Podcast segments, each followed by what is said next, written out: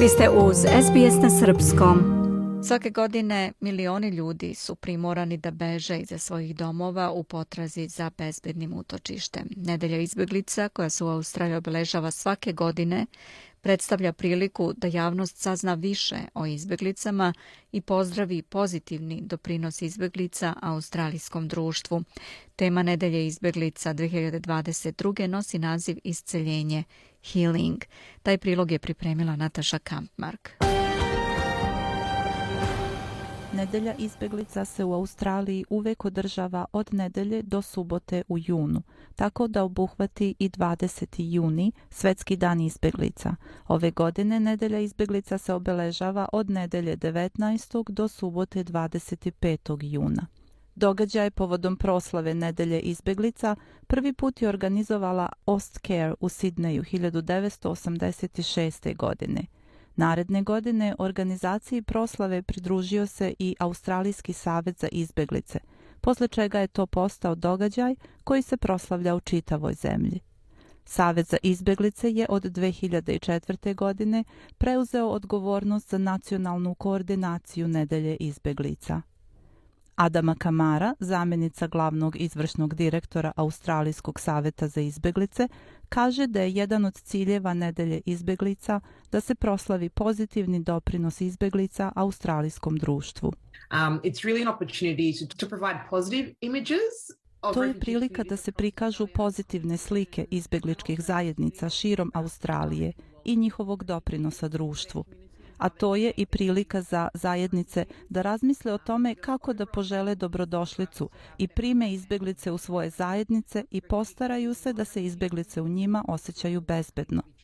Naš cilj je da postignemo bolje razumevanje između izbegličkih i neizbegličkih zajednica i da budemo ljubazniji jedni prema drugima.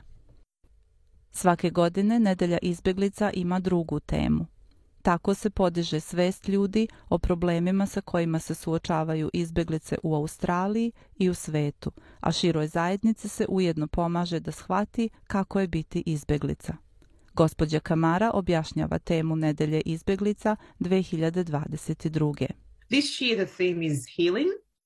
And it's really in reflection, you know, the past 12 months. Ove godine tema nosi naslov Isceljenje i ona odražava 12 teških meseci kroz koje su prošli svi ljudi na svetu.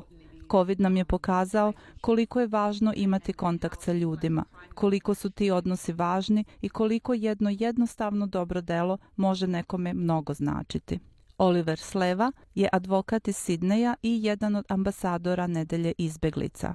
Odrastao je u asirskoj porodici u Iraku i prošao je kroz Jordan, Tursku i Grčku kao izbeglica pre nego što je našao sigurno utočište u Australiji 1994. godine.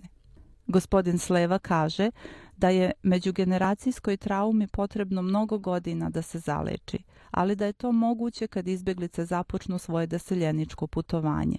On veruje da je ključni element isceljenja prilagodljivost. The traumatic experiences that they faced fleeing war-torn countries, being in refugee camps, Izbjeglice prolaze kroz brojna traumatična iskustva dok beže iz svojih ratom razorenih zemalja, dok su u izbjegličkim logorima, na brodovima po nekoliko dana i noći ili nasukani na brodu kao što sam ja proveo 40 dana na brodu između Turske i Grčke. Bio sam najmlađi na tom brodu i ne sećam se najbolje, ali pamtim nekoliko upečatljivih prizora. Međutim, isceljenje počinje od onog dana kada kročite u Australiju. Tema isceljenja također podstiče i većinsku i izbegličku zajednicu da zajedničke nevolje koriste kao osnovu za isceljenje, da uče jedni od drugih i da idu napred. Razgovor sa drugim ljudima je prvi korak ka isceljenju, objašnjava gospodin Sleva. I think in healing comes talking to others, sharing your stories, Mislim da isceljenje znači razgovor sa drugim ljudima, razmenjivanje priča, otvorenu diskusiju o tom putovanju bez predrasuda. Mislim da se sve svodi na to da se ljudi osjećaju prihvaćeno, priznato i poštovano. To pomaže procesu isceljenja, a sve to može postići samo izdržljiva i prilagodljiva osoba. Tokom nedelje izbjeglica i nakon nje Savet za izbjeglice organizuje niz različitih programa i aktivnosti. Licem u lice je jedan od tih programa koji se odvija tokom cele nedelje, a sastoji se iz prezentacije i radionice koju vode ambasadori i predstavnici Saveta za izbjeglice. Izbjeglice pričaju o svom putu do bezbednosti što omogućuje učenicima da nauče nešto o izbjeglicama, njihovim iskustvima i doprinosu Australiji. Gospodin Sleva govori o značaju ovog programa. And as part of the face-to-face program through Refugee Council of Australia, Program Lice u lice koji se organizuje posredstvom Australijskog saveta za izbeglice tokom nedelje izbeglica značajan je zato što se posredstvom njega dele informacije korisne za doseljenike, ali i o pozitivnom doprinosu izbeglica i pričama o uspehu izbeglica u Australiji. Prezentacije su prilagođene učenicima osnovnih i srednjih škola, njihovim nastavnicima, kao i svim zainteresovanima. Zamjenica glavnog izvršnog direktora Australijskog saveta za izbjeglice Adama Kamara kaže da je cilj ovih aktivnosti da sruše mitove o izbjeglicama.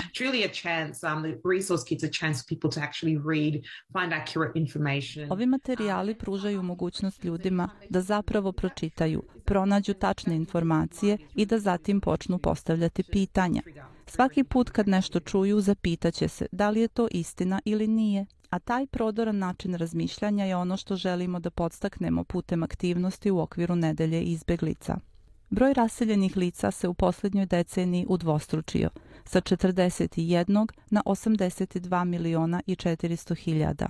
Prema podacima Crvenog krsta, svaka 95. osoba je sada prisilno raseljena, što je povećanje sa svake 159. što je bio slučaj 2010. godine – pri čemu stopa globalnog raseljavanja sada nadmašuje prirast stanovništva. Gospođa Kamara kaže da Australijski savjet za izbjeglice podstiče australijsku vladu da poveća broj izbjeglica koje prihvata na godišnjem nivou u okviru svog humanitarnog programa. Um, Trenutno putem humanitarnog programa svake godine u Australiju može doći 13.750 ljudi. Verujemo da taj broj može biti veći. Australija je to činila ranije. Prihvatali smo preko 20.000 ljudi. Tražimo od vlade da poveća taj broj. Ranije smo ih uspešno prihvatali. Osim toga, Savet za izbjeglice traži od vlade da izbjeglicama i azilantima koji su na vizama za privremenu zaštitu omogući da se trajno nasele u Australiji. Gospođa Kamara veruje da je nedelja izbjeglica prilika da pokažemo koliko smo saosećajni. We've got a large number of people who are on temporary protection visas and safe haven enterprise visas, which is basically Imamo veliki broj ljudi koji su na vizama za privremenu zaštitu, što u suštini pokazuje da se radi o dokazanim izbjeglicama ali zato što su došli brodom, vlada je rekla da nikad neće moći da ostanu za stalno. Te vize su na tri ili pet godina, tako da ljudi nisu sigurni da li su došli ili su pošli. Želimo da Australija pokaže saosećanje, da kaže, da, vi ste izbjeglice, neki od vas žive ovde i po deset godina, možete ostati. Što se tiče Olivera Sleve, ambasadora Saveta za izbjeglice, on za sebe s ponosom kaže da je izbjeglica. Uvek je želeo da izabere zanimanje u kome će moći da uzvrati zajednici i pomogne drugim izbjeglicama da se nastane u Australiji. And my dream to become a lawyer was to help those who were struggling, for those who were who were waiting. Sanjao sam o tome da budem advokat i pomognem onima koji se bore, koji godinama, mesecima i danima žive u neizvesnosti i dugo čekaju kako bi došli u Australiju ili otišli u neku drugu zemlju ili su u Australiji gde pokušavaju da nađu utočište i zatraže azil. Želeo sam da putem ovog pravnog aspekta dam svoj humanitarni doprinos. Želite da čujete još priča poput ove? Slušajte nas na Apple Podcast, Google Podcast, Spotify ili odakle god slušate podcast.